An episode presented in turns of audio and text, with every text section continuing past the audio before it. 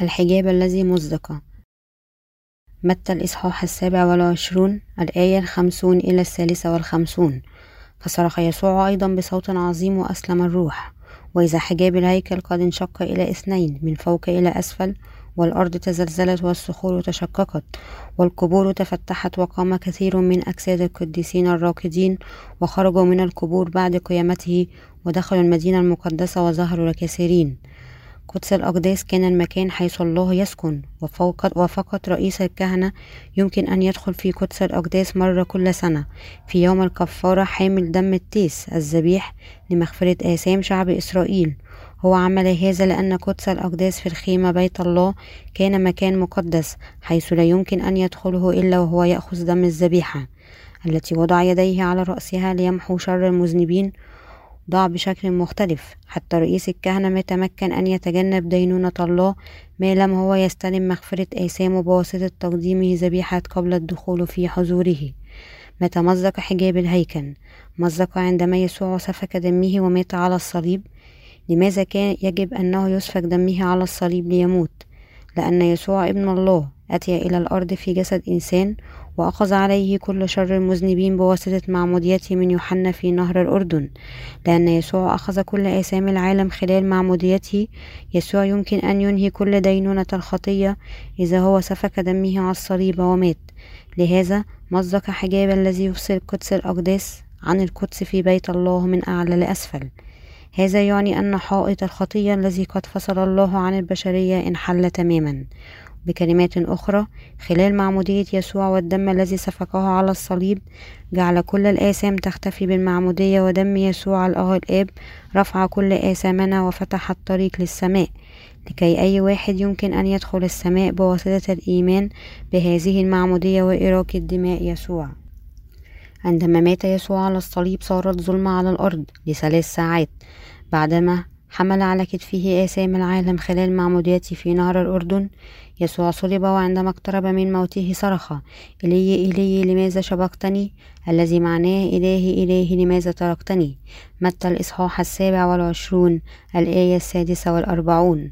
ثم قال كلماته الأخيرة قد أكمل وبعد ذلك مات. وفي ثلاثة أيام قام من الأموات ثانيا وشوهد لأربعون يوما وبعد ذلك صعد إلى السماء. أمام عيون الرسل والعديد من التلاميذ. هل الآب ترك فعلا يسوع؟ إن الألم الذي عاناه يسوع كان شديدا لدرجة أنه شعر كما لو أن الآب تركه. إن ألم دينونة الخطية كان عظيما جدا لأن يسوع أخذ عليه آثام العالم بواسطة معموديته من يوحنا. إنه حقيقي أن الآب تفاداه بشكل مؤقت عندما أدان الخطية على الصليب. الله الآب كان يجب أن يعاقب أي واحد الذي كان عنده خطية. ولأن كل آثام العالم قد عبرت إلى يسوع.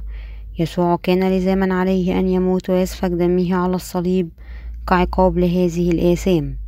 ولأن يسوع الذي هو الله نفسه في جوهره أخذ عليه آثام البشرية بواسطة معموديته وآثام العالم قد حركت إلى جسده المقدس. لذا يسوع بعد ما أخذ عليه آثام العالم كان لزاما عليه أن يتفادى بواسطة الله الآب للخطة. يعاني الموت على الصليب ليدفع أجرة كل أثامنا. ولذا يخلص البشرية من الآثام. لهذا يسوع كان لزاما عليه أن يخضع للألم الفظيع لدينونة الخطية. وأن الله الآب ما تمكن إلا أن يحول وجهه بعيدا عن ابنه باختصار. ولكن هذا لا يعني أن يسوع ترك بواسطة الآب إلى الأبد. هو فقط يعني أن يسوع كان يجب أن يحمل الدينونة نائبا بسبب آثامنا. وإذا هو كان لزاما عليه أن يترك بواسطة الآب بشكل مؤقت ولكن عندما صرخ يسوع في ألمه إلهي إلهي لماذا تركتني؟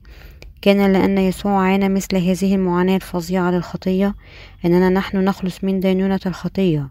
نحن سبق أن كان لزاما علينا أن نترك بواسطة الله بسبب آثامنا ولكن يسوع أخذ عليه آثامنا. عانى ألم دينونة الخطية على الصليب وعلاوة على ذلك ترك بواسطة الآب لفترة لأجلنا. كما تعرفون مسبقا بعد إنشاء الهيكل خلال عهد الملك سليمان الخيمة تبدلت بالهيكل. ولكن أساسيات نظام الخيمة ما زالت تقدم في الهيكل بالضبط كما قدمت قبل إنشائه. لذا هناك كان أيضا حجاب في الهيكل الذي فصل القدس من قدس الأقداس وفي اللحظة ذاتها عندما ربنا صرخ على الصليب إلي إلي لماذا سفحتني أن حجاب الهيكل قد مزق من أعلى لأسفل. الحقيقة الواضحة من هذا؟ الحقيقة الواضحة من هذا الحدث هو أن الرب قد طهر أثامنا بالمعمودية ودمه الثمين الذي سفكه على الصليب باب السماء قد فتح الآن لكي كل الذين يؤمنون يدخلوها الآن. بواسطة الإيمان بإنجيل الماء والروح نحن كلنا يمكن أن ندخل السماء بواسطة الإيمان. خلال إعلان نظام الخيمة شعب العهد القديم آمن بيسوع أيضا أن يجيء كالمسيا وإذا هم قد نالوا مغفرة لكل آثامهم وأصبحوا بناء الله.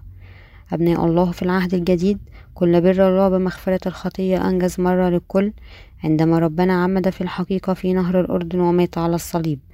السبب أن لنا قلوب شاكرة. هو بعدما سمعنا وأمنا بعدما سمعنا وأمنا.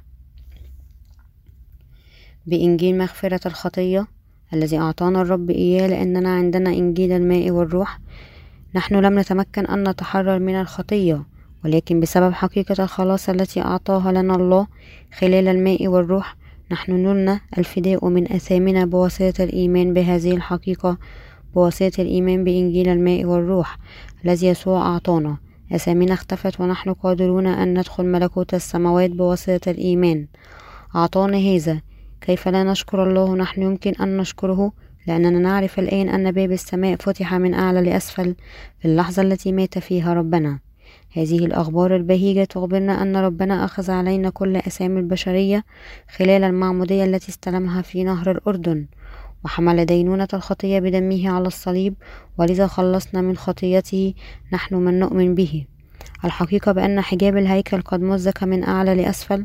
عندما يسوع مات على الصليب تعلمنا الحق وهو أننا الآن في هذا العصر نحن الذين طهرنا من خطايانا بواسطة الإيمان بإنجيل الماء والدم. يمكن أن ندخل كلنا السماء. هذا الدليل الجازم لحقيقة الخلاص الذي قدمه لنا الرب. لأننا كنا مذنبين هناك كان حائط الخطية التي منعنا يعطلنا من أن نأتي أمام الله.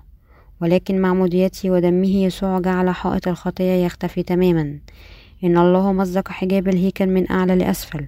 وهذا يبين أن أي واحد يؤمن بالمعمودية التي خلالها ابن الله أخذ عليه كل شر المذنبين في دم الصليب يمكن أن يكون الآن مطهرا من أسامه ويدخل السماء بلا عائق الله خلصنا من خطية مثل هذه.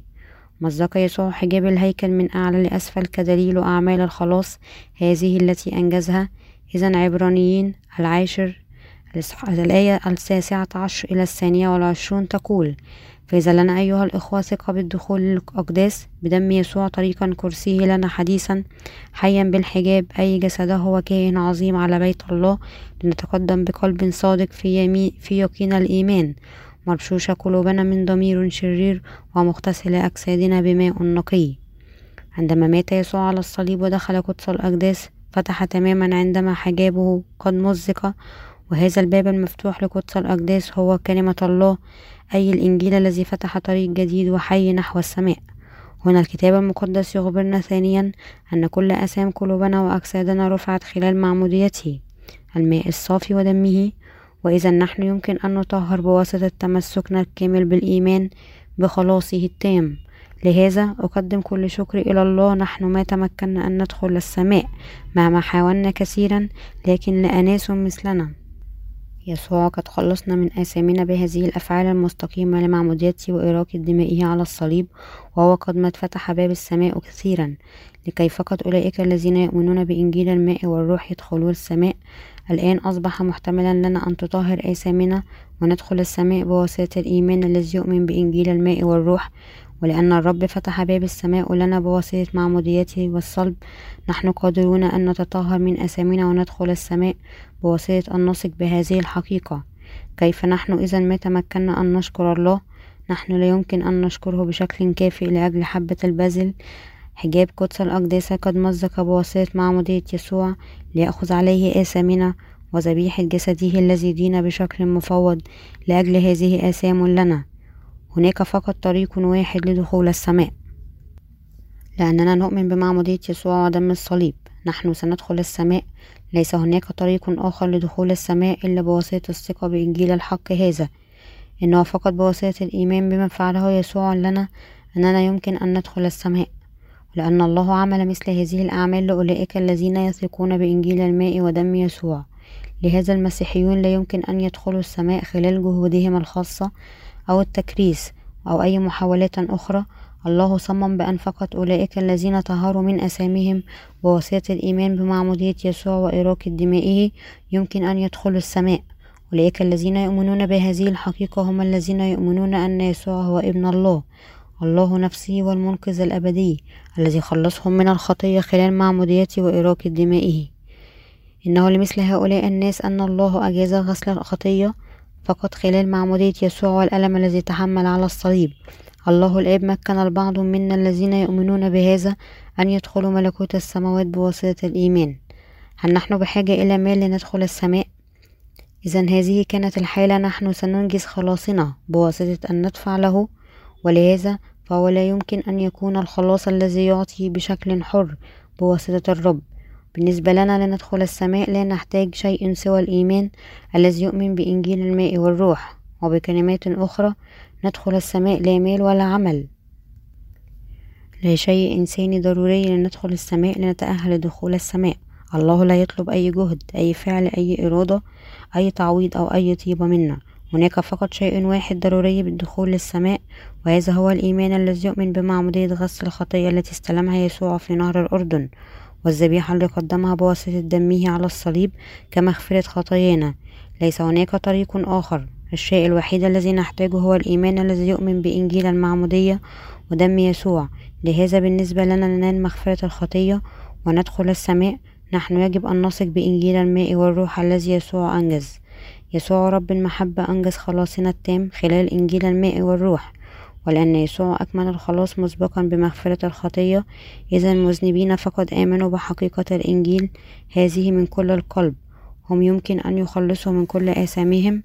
ربنا قد رفع آثامنا سوى نحن عدنا إلى عدنا عندنا العديد من أو فقط بضعة آثام.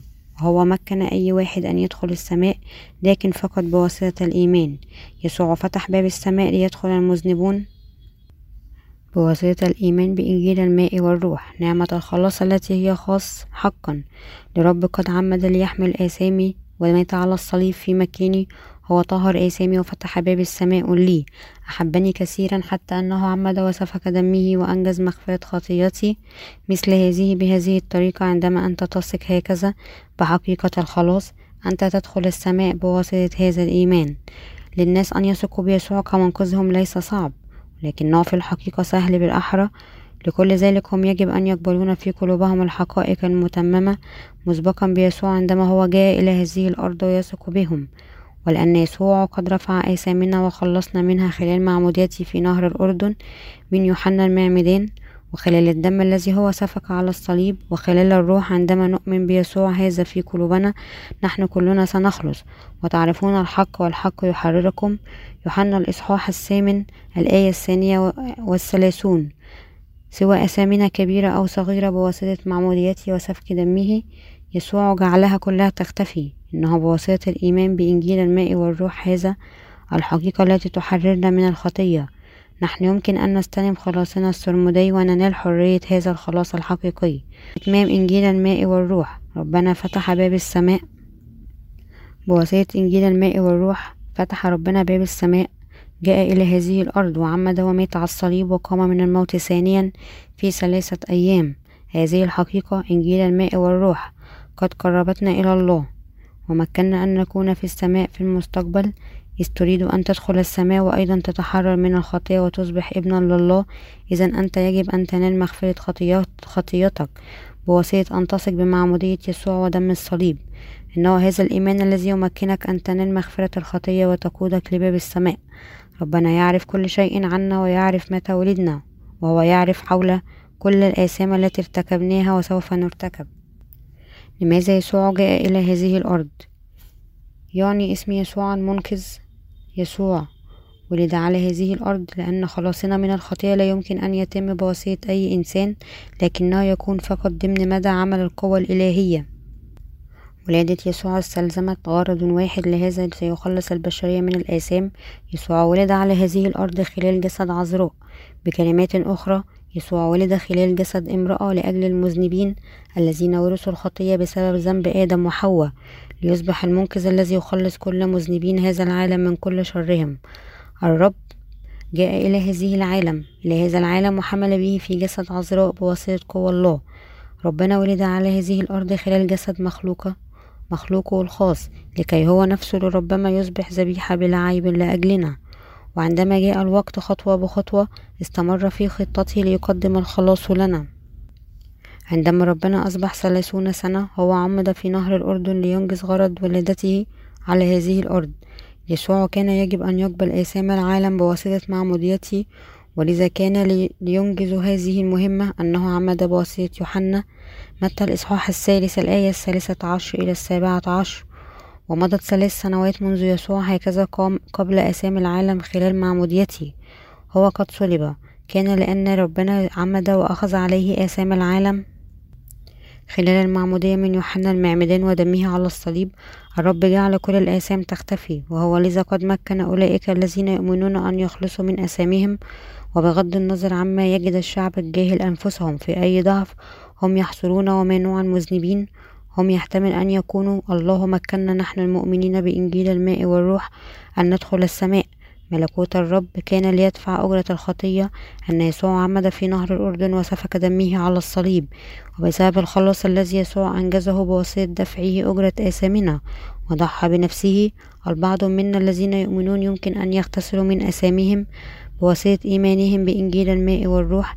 هذه هي الحقيقة الأساسية للمسيحية وصميم مغفرة الخطية. الرب جاء إلى العالم ليصبح منقذ كل مذنبي هذا العالم والرب خلصنا كلنا في الحقيقة من الخطية. ربنا مكن كل المذنبين مهما كانوا أن يدخلوا السماء بواسطة الثقة بأعماله. هذا هو حب الرب. كان لأن ربنا أحبنا كثيرا أنه عمد وسفك دمه ليخلصنا وليفدينا من الخطية. أحبنا مثل نفسه وأنجز الخلاص بواسطة معموديته وسفك دمه نحن سبق أن كنا مذنبين الذين استمروا أن يأسموا حتى يوم نموت معذبين بواسطة آثامنا. وانفصلنا عن الله. وانفصلنا عن الله ليخلص أناس مثلنا الرب كان يجب أن يتم أعمال الخلاص التي تمكننا أن نصبح متحدين معه. ربنا خلصنا نحن المذنبين بحب الله. ليخلصنا نحن المذنبين من شرنا وهو قد أكمل بر وحب الله بواسطة معموديته وسفك دمه. نحن الذين نؤمن بهذا الإنجيل شاكرين جدا لما فعله الرب حتى أن الكلمات تفشل أن تظهر بواسطة بساطة شكرنا. شكرنا للإيمان ونركع أمامه حقيقة مغفرة الخطية التي ربنا أعطانا مثل هذا الحب النبيل والمطلق الذي لا يمكن لكلمات المنطق ولا كلمات الحلاوة يمكن أن تصفها أبدا. منذ أكثر من ألفي سنة مضت لا أحد منا كان مولودا في ذلك الوقت وكان حوالي ألفي سنة. مضت أن حجاب الهيكل الدنيوي والسماوي لملكوت الله فتح. نحن ما كنا حتى في أرحام أمهاتنا وفي ذلك الوقت كان ربنا عرف مسبقا كل شيء عنا. عرف بأنك ستكون مولودا وأنك تحيا كل حياتك طبقا لطريقك الفريد الخاص. والرب أحبني لست أنا فقط. أنه قد مكن كل المذنبين أن يدخلوا السماء بواسطة الثقة بإنجيل الماء والدم والروح الذي يسوع أنجز لنا خلال الماء والروح. مع مضية يسوع ودمه على الصليب يسوع أكمل خلاصنا من الخطية. كون حجاب الهيكل قد مزق من أعلى لأسفل هو حدث عجيب حقا. كيف يمكن أن يمزق حجاب قدس الأقداس؟ هل لأن يسوع مات على الصليب؟ هذا الحجاب كان مثل سجادة اليوم كان نسيج سميك وقوي جدا. من فلسطين حتى الآن نحن يمكن أن نصادف مثل هذه البراقع السميكة التي نسجت مثل السجاد. هي تحقق بإحكام شديد حتى أنه قيل بأنه يلزمها أربعة خيول يجرون في جهات المقابلة ليمزقوها. كم قوة هو الحصان؟ لحد الآن الحجاب الذي كان قويا جدا حتى أنه يتطلب أربعة خيول لتمزقه قد مزق من أعلى لأسفل عندما مات يسوع. على الصليب لماذا مزق الحجاب؟ مزق لأن يسوع طهر الآثام التي كانت في قلوب البشرية. مزق لأن يسوع أنجز كل أعماله المستقيمة بواسطة معموديته وصلب إلى الموت بواسطة قبوله أسام العالم خلال معموديته ودينونته على الصليب. فتح يسوع الطريق أمام أولئك الذين يؤمنون ليدخلوا السماء. كل الذي أنت يجب أن تفعله هو فقط أن تؤمن. الرب فتح باب السماء لكي أنتم جميعا تدخلوها فقط بواسطة الإيمان. كل من معمودية يسوع ودمه أساسيا لخلاصنا كان طبقا لطريقة الخلاص التي خططت قبل وقت العهد القديم أن أيادي قد وضعت على رأس يسوع الطقوس التي حجزت فقط التقدمات الذبائحية. لأن ناموس الخلاص وضع من الله أنه للذبيحة لتقبل كل الآثام بوضع الأيدي وتموت. يسوع جاء كذبيحة لأجلنا ليخلصنا إلى الأبد. ويمكن أن يمحو كل آثامنا فقط بواسطة معموديته بشكل وضع الأيدي لهذا الدخول في قدس الأقداس حتى رئيس الكهنة كان يجب أن يتأكد أن يأخذ معه دم الذبيحة التي أخذ عليها الآثام بوضع الأيدي. لماذا إذا رئيس الكهنة كان لزاما عليه أن يدخل في هذا المكان بالدم؟ لأن حياة الجسد في الدم قد أعطى لرئيس الكهنة أن يقدم تكفيرا عن نفسه قبل أن يأتي في حضوره. اللويين الإصحاح السابع عشر الآية الحادية عشر. كل الناس كان يجب أن يموتوا من أجل أسامهم لكن لأن يسوع أخذ عليه كل أسام البشرية بواسطة معموديته في نهر الأردن كل الآثام قد عبرت إلى دم يسوع بمعموديته وحملها على كتفه. يسوع صلب ولذا قد خلصنا بالدم الذي هو سفكه بحياته الخاصة. هذا أخبرنا أنه عندما يأتي المذنبون أمام الله يجب بالتأكيد أن يأخذوا معهم الإيمان الإيمان الذي يؤمن بالماء والدم فقط عندما نؤمن بكل القلب بماء معمودية يسوع والدم الذي هو فسفكه يمكن أن نهرب من دينونة آثامنا. الآن يسوع طهر الآثام لكي لا أحد يجب أن يقدم صلوات التوبة أو يصوم أو يقدم ذبائح لأجل مغفرة الخطية نحن ليس من واجبنا أن نقدم صلوات التوبة ولا نعمل كما لو كنا معاقبين لآثامنا لأن يسوع أعطى تقدمة مسبقة لمغفرة الخطية ودينونتها كل الذي نحن يجب أن نفعله هو أن نؤمن بقلوبنا في الخلاص الظاهر في الخيط الأسمنجوني والأرجواني والقرمزي لماذا كان يجب أن يتمزق حجاب الهيكل عندما مات يسوع على الصليب؟ دعونا نفكر في هذا مرة أخرى. الخيط الأسمنجوني والأرجواني والقرمزي الظاهر في العهد القديم هو الإنجيل الذي يجلب بركات استلام مغفرة الخطية ودخول ملكوت السماوات إلى أولئك الذين يؤمنون. لهذا الحجاب قد مزق عندما يسوع بعدما كان معمد مات على الصليب. لأولئك الذين يؤمنون بيسوع. حقيقة إنجيل الماء والروح هي إزاي هذه معطاة بواسطة الله نفسه. أو كان لأن يسوع قد عمد بواسطة يوحنا في مكانه. أنه سفك دمه ومات على الصليب ولذا دفع أجرة الموت. أجرة الخطية محتضرا على الصليب يسوع قال قد أكمل. وكان في هذه اللحظة أنه فتح الطريق أمامنا لندخل ملكوت السماوات.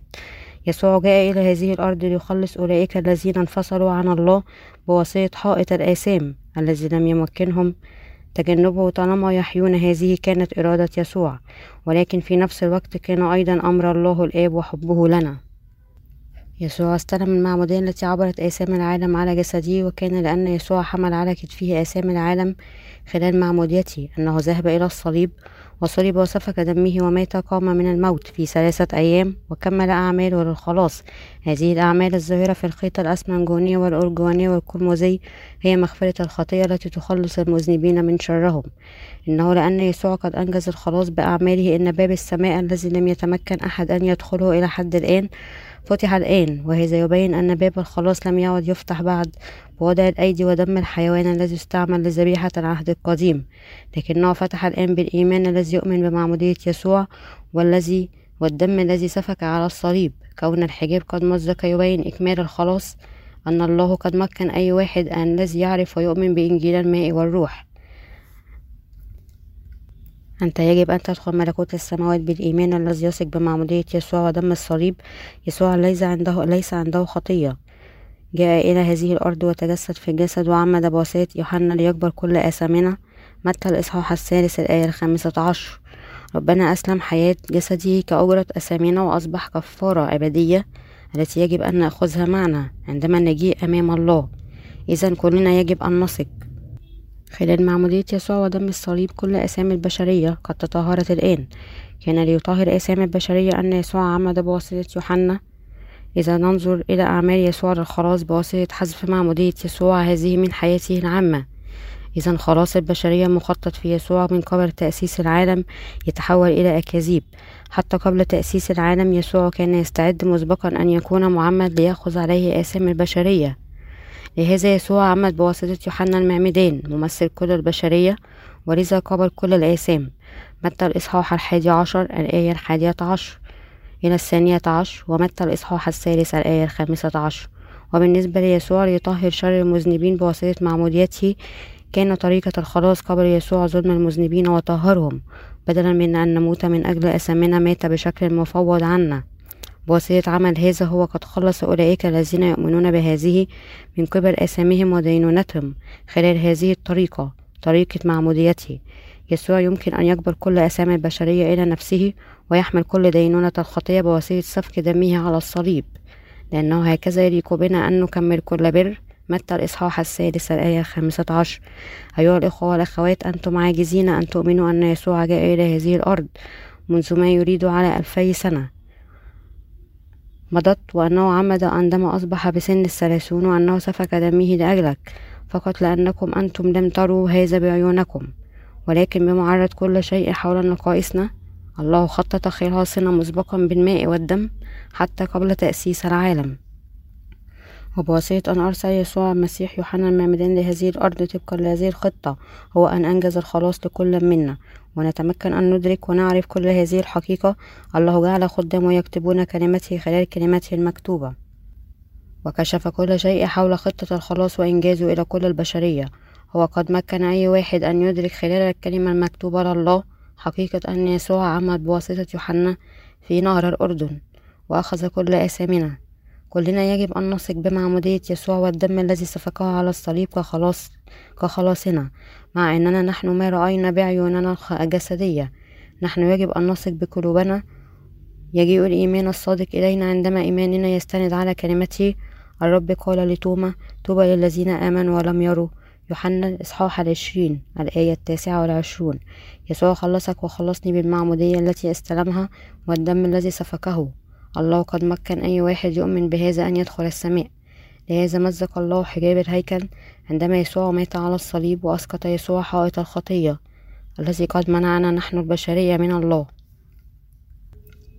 كما عظيم هذا الحدث أن يسوع ولد على هذه الأرض في جسد مخلوق مجرد ليخلص المذنبين وحدث رائع حقا حتى عندما يقارن إلى خلقه العالم إنه فقط أمر طبيعي أن الرب الخالق الذي جعل كل الأشياء يخلق مخلوقاته لكن أن الخالق يصبح مثل المخلوق يأخذ عليه آثام العالم بواسطة معموديته ويصلب. لا يمكن أن يكون أي شيء إلا الحدث العظيم للخلاص. كيف يمكن أن الخالق نفسه يصبح مثل واحد من مخلوقاته؟ لحد الآن يسوع الله نفسه أخلى ذاته إلى مثل هذا الحد. حتى أنه عمد بواسطة يوحنا المعمدان ممثل البشرية في نهر الأردن. أي حدث متعجب هذا؟ لكن هذه ليست النهاية لأن يسوع أخلى ذاته طول الطريق ويطيع حتى موته. كل أسامي البشرية طهرت بالكامل تماما بمعمودية الرب ودمه على الصليب وعندما مزق حجاب الهيكل يسوع قام من الموت في ثلاثة أيام وهو يريد الآن أن يقابل في الحقيقة كل أولئك الذين يؤمنون بهذه الحقيقة. مثل هذا أعمال الرب التي تخلص المذنبين هي حدث أعظم وأكبر حتى من عملية الخلق التي جعلت هذا الكون وكل الأشياء فيه ولادة يسوع معموديته وموته على الصليب. ربنا قد خلصك وخلصني من الآثام وخلصك وخلصني تماما من آثام العالم خلال إنجيل الماء والروح. أيها الأخوة والأخوات أنت وأنا سبق أن كان مصيرنا جهنم. نحن سبق أن كان مصيرنا الدمار والفناء بسبب آثامنا ونحيا حياتنا في الحزن. لكن الرب قد خلصنا من الخطية بالخلاص الذي هو قد خطط له. حتى قبل تأسيس العالم نحن ليس عندنا اختيار لكن إلا أن نعيش بقية حياتنا في وسط أثامنا. ننوح مستائين ولا قدرنا. لكن نتمكن أن ندخل ملكوت السماوات يسوع أعطانا إنجيل الماء والروح وهو في ضمن مغفرتنا أيضا. من الخطية يسوع نفسه أصبح رب الخلاص وأخذ عليه آثام العالم في مكاننا ومات في مكاننا وأصبح مخلصنا التام. هل تثق بمعمودية يسوع والدم الذي سفكه؟ نجاتنا من خطية تنجز. بواسطة الثقة بمعمودية يسوع ودم الصليب ليخلص المذنبين بواسطة الإيمان بيسوع كمخلص. هم يجب أن يتأكدوا ويهتموا بمعموديته وصليبه وهم يجب أن يؤمنوا أنه بواسطة اتحاد هذين الاثنان أن الخلاص التام ينجز هل لا تؤمن أن يسوع تعمد ومات على الصليب؟ هل تهمل معمودية يسوع من يوحنا وترفض أن تثق بها؟ بر الله قد أنجز لأنه معمودية يسوع كانت العملية التي خلالها هو أخذ عليه كل شر المذنبين والموت الذي عانى بواسطة سفك دمه الثمين كان دينونة آثامنا في حد ذاته عندما أنت وأنا نصرخ بأننا نثق بيسوع يجب أن نؤمن بكل من معموديته ودمه على الصليب كالخلاص الواحد. كتب الله عن ضرورة المعمودية وإراقة دماء يسوع في كلمته ولحد الآن على الرغم من هذا العديد من الناس. ما زالوا يصرون بأنهم يحتاجون أن يؤمن فقط بدم الصليب ليخلصوا إذا أنت واحد منهم إذا أنت يجب أن تعيد النظر في اعتقادك بجدية. وتؤمن بكلتا هاتين الضرورتين. إذا أنت لا تعمل هذا لكن فقط تؤمن في دم الصليب. أنت إذن ستنتهي بتحويل الأعمال المقدسة للحياة العامة للرب بلا فائدة إذ حدث أن يكون عندك مثل هذا الإيمان. إذا أنت يجب أن تتحول عن هذا الإيمان المكسور ويكون لك الإيمان الحقيقي الذي يتكلم عنه الكتاب المقدس بدون معموديته أي صلة لموته على الصليب. أيها الإخوة والأخوات إذا أنتم أردتم أن تمحوا أسماءكم من فاتورة ما هل لا يجب عليكم أن تدفعوا الفلوس في الحقيقة وتدفعوا للدائن؟ المدينون يجب أن يدفع قيمة دينه وعندئذ يمكن أن يمحو أسمائهم من القائمة. مثل هذا ليدفع أجرة آثامنا. يسوع قبل مثل هذا الآثام وشرنا خلال معموديته ومحاها بواسطة سفك دمه. خلال معموديته الرب أخذ في الحقيقة كل آثامنا. ولهذا هو يمكن أن يدين كل آثامنا بواسطة سفك دمه لتدفع دين. العرف العام يفرض بأن الواحد يجب أن يدفع قيمة الدين الدائن إذ لم يدفع المدينين الفلوس لكنهم يطلبوا أن تمحى أسمائهم من الفاتورة. كمدينين يمكن أن يحرروا من ديونهم فقط عندما الديون تدفع في الحقيقة. بالنسبة لنا نحن المذنبون لننال مغفرة الخطية ونحن كان يجب أن يكون في قلوبنا الإيمان الذي يؤمن أن آثامنا عبرت إلى يسوع خلال المعمودية التي استلمها. ولكن خلال الوسيط يسمى يوحنا المعمدان كنا قادرين أن نعبر آثامنا ليسوع الذي عمد بواسطة يوحنا المعمدان وحمل على كتفه آثام العالم وذهب إلى الصليب. عندما مات يسوع على الصليب حجاب قدس الأقداس قد مزق لقطعتين الأرض قد هزت والصخور تشققت والقبور فتحت والعديد من أجساد القديسين الذين ركضوا قد قاموا قد قامت خلال هذه الأحداث. الله بين أنه ليقيم أولئك الذين وثقوا بكلمته. يسوع المسيح يجيء ويمحو كل آثام البشرية. بين أن يسوع حقا قام من الموت وأن هذا الذي يؤمن بيسوع يحيا. يسوع ما فقط لخلصنا من الخطية لكنه قد أعطى حياة جديدة. إلينا الذي كنا موتى روحيا. كان ليعطينا حياة جديدة أن يسوع قد عمد ومات على الصليب وعاش ثانيا. الله قد مكننا أن ندخل مدينته المقدسة ونعيش فيها إلى الأبد. أقدم شكري الصادق له بإيماني. المكان حيث أولئك الذين قد نالوا المغفرة سيعيشون هو السماء. كذلك من يؤمن بأنه قد استلم مغفرة الخطية على هذه الأرض. الكل سيدخلون السماء ويعيشون فيها. تنتسب السماء لأولئك الذين نالوا مغفرة الخطية. الوثوق بإنجيل الماء والروح الولادة الثانية ليس شيئين منفصلين لكنهما نفس الأمر. إذا أي واحد يؤمن بكلمة إنجيل الماء والروح إذا هذا الشخص هو مولود في هذه اللحظة ذاتها وهو يؤمن عندما المذنبون يستلمون مغفرة الخطية ويصبحون أبناء الله وإلى أبنائه. الله يعطي السماء كهدية. ومع ذلك في جسدنا نحن ليس, عندنا عملنا الخاص. ننظر إلى الشيء الواحد. الحقيقة أن ربنا جاء إلى هذه الأرض وعمد وسفك دمه هي كل الصدق. عندما مات يسوع على الصليب وهو أخذ على الآثام مسبقا العالم بمعموديته يسوع قبل أن يصلب. بعدما كان معمدا بواسطة يوحنا مقدما هو كان يحمل آثام العالم مسبقا. عندما مات يسوع على الصليب حجاب قدس الأقداس قد مزق لقطعتين. الأرض قد هزت والصخور تشققت والقبور قد فتحت والعديد من أجساد القديسين الذين ركضوا قد, قد قامت. خلال هذه الأحداث الله بين بأنه ليقيم أولئك الذين وثقوا بكلمته يسوع المسيح يجيء ويمحو كل أسامي البشرية. بين بأن يسوع حقا قام من الموت وبأن هذا الذي يؤمن بيسوع يحيا. يسوع ما قد فقط خلصنا من الخطية لكنه قد أعطى حياة جديدة أيضا إلينا, إلينا الذي كنا موتى روحيا. كان ليعطينا حياة جديدة أن يسوع عمد ومات على الصليب وعاش ثانيا. الله مكننا أن ندخل مدينته المقدس المقدسة ونعيش فيها إلى الأبد.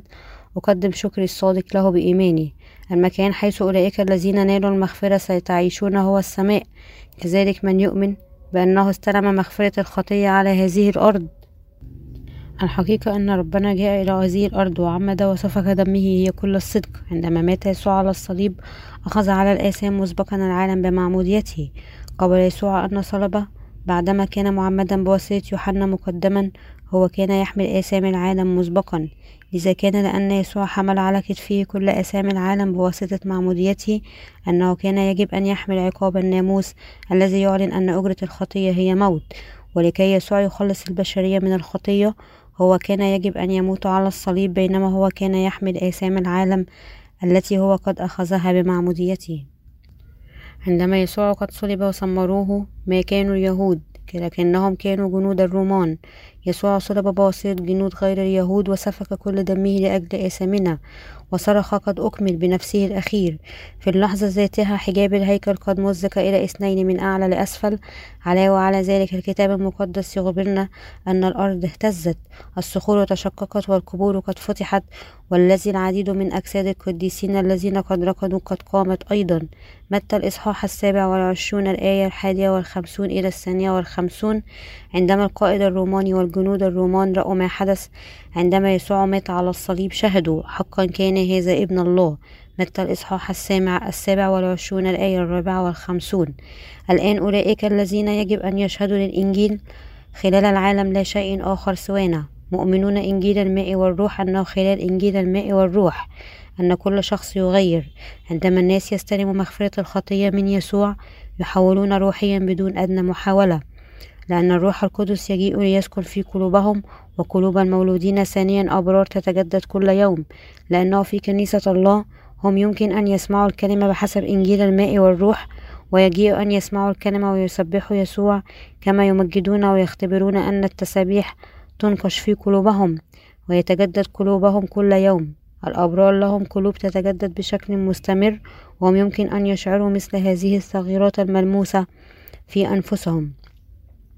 وعندما يرانا غير المؤمنون أننا نتغير ونصبح أبرارا يشهدهم خلصوا حقا مسيحيون حقيقيون شعب الله. هكذا مغفرة خطايانا ليست نوع الخلاص الذي نختبره بمفردنا. قائد الرومان والجنود الرومان شهدوا بهذه الحقيقة أيضا أن يسوع كابن الله قد خلص المذنبين من أسام العالم عندما هو قد صلب. هكذا الله نفسه شهد على أولئك الذين يؤمنون بالحقيقة أن يسوع خلصهم من أسامهم بالماء والدم.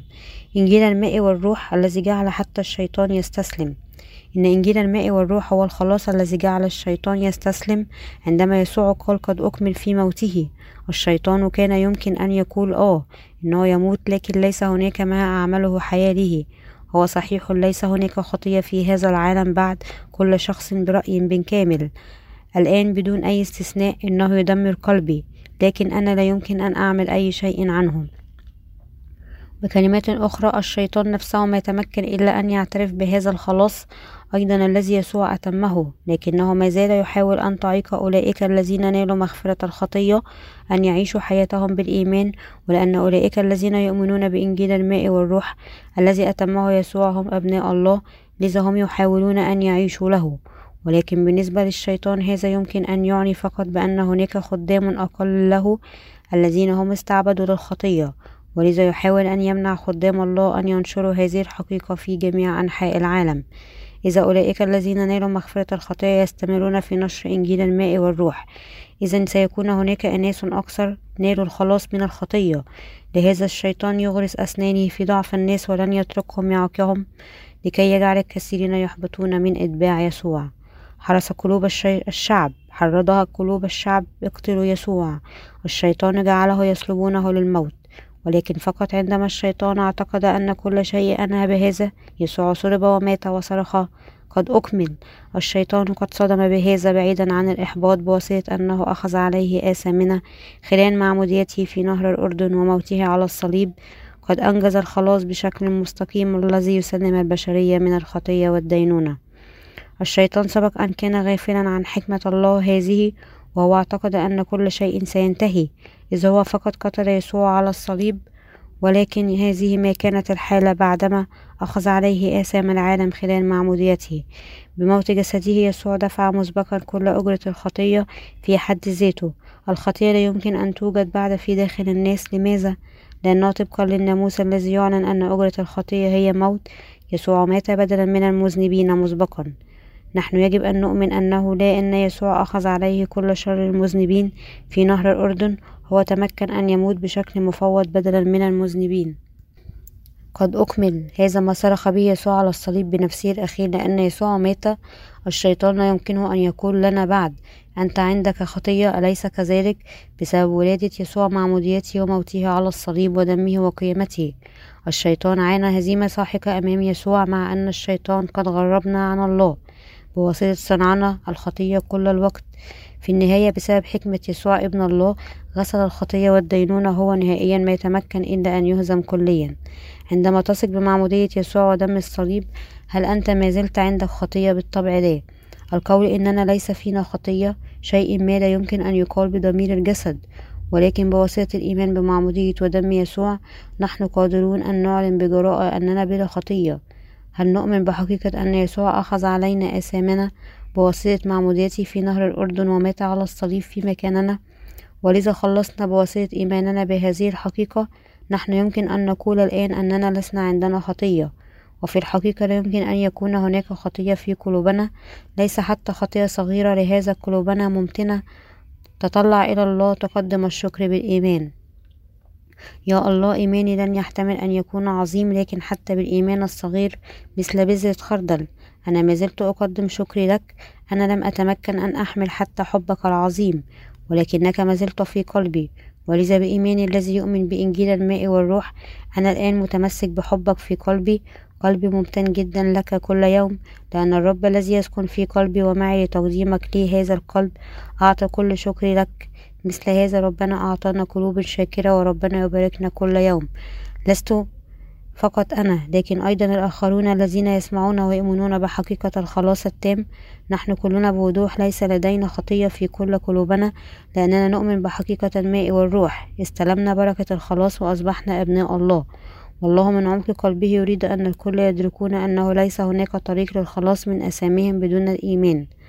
أعمال الإصحاح الرابع الآية الثانية عشر أعلن وليس بأحد غيره الخلاص لأن ليس اسم آخر تحت السماء وأعطى بين الناس به ينبغي أن نخلص. نؤمن بيسوع كمخلصنا من أولئك الذين يؤمنون بهذا. قلوب شاكرة تطلع نحو إذن. عندنا قلوب ممتنة للرب وربنا أعطانا الخلاص. هو قد أعطانا قلوب شاكرة أيضا. أعطانا حياة أبدية. نحن لا يمكن إلا أن نمجد الرب بشكرنا لتقديمه كل هذه البركات الوفيرة. حتى إذا إيماننا صغير مثل بذرة خردل إذ نحن ما زلنا نؤمن بما عمله يسوع في قلوبنا ويمكن أن نخلص كلنا. أتوسل أنكم جميعا تدركون أن هناك لا شيء إلا ذلك. نحن يمكن أن نعمله لخلاصنا وهو أن نؤمن ونعرف هذا الخلاص الذي أعطانا بشكل حر ونثق به. إنه لأن مخفية الخطية لا يمكن أن تنجز خلال جهودنا الخاصة. لذلك الله رفع بشكل أحادي الجانب كل أثامنا لوحده وأعطى خلاصه للبعض منا الذين يؤمنون الآن. هناك قول في كوريا يقول استحب المجانيات أكثر من اللازم أنت ستتجرد.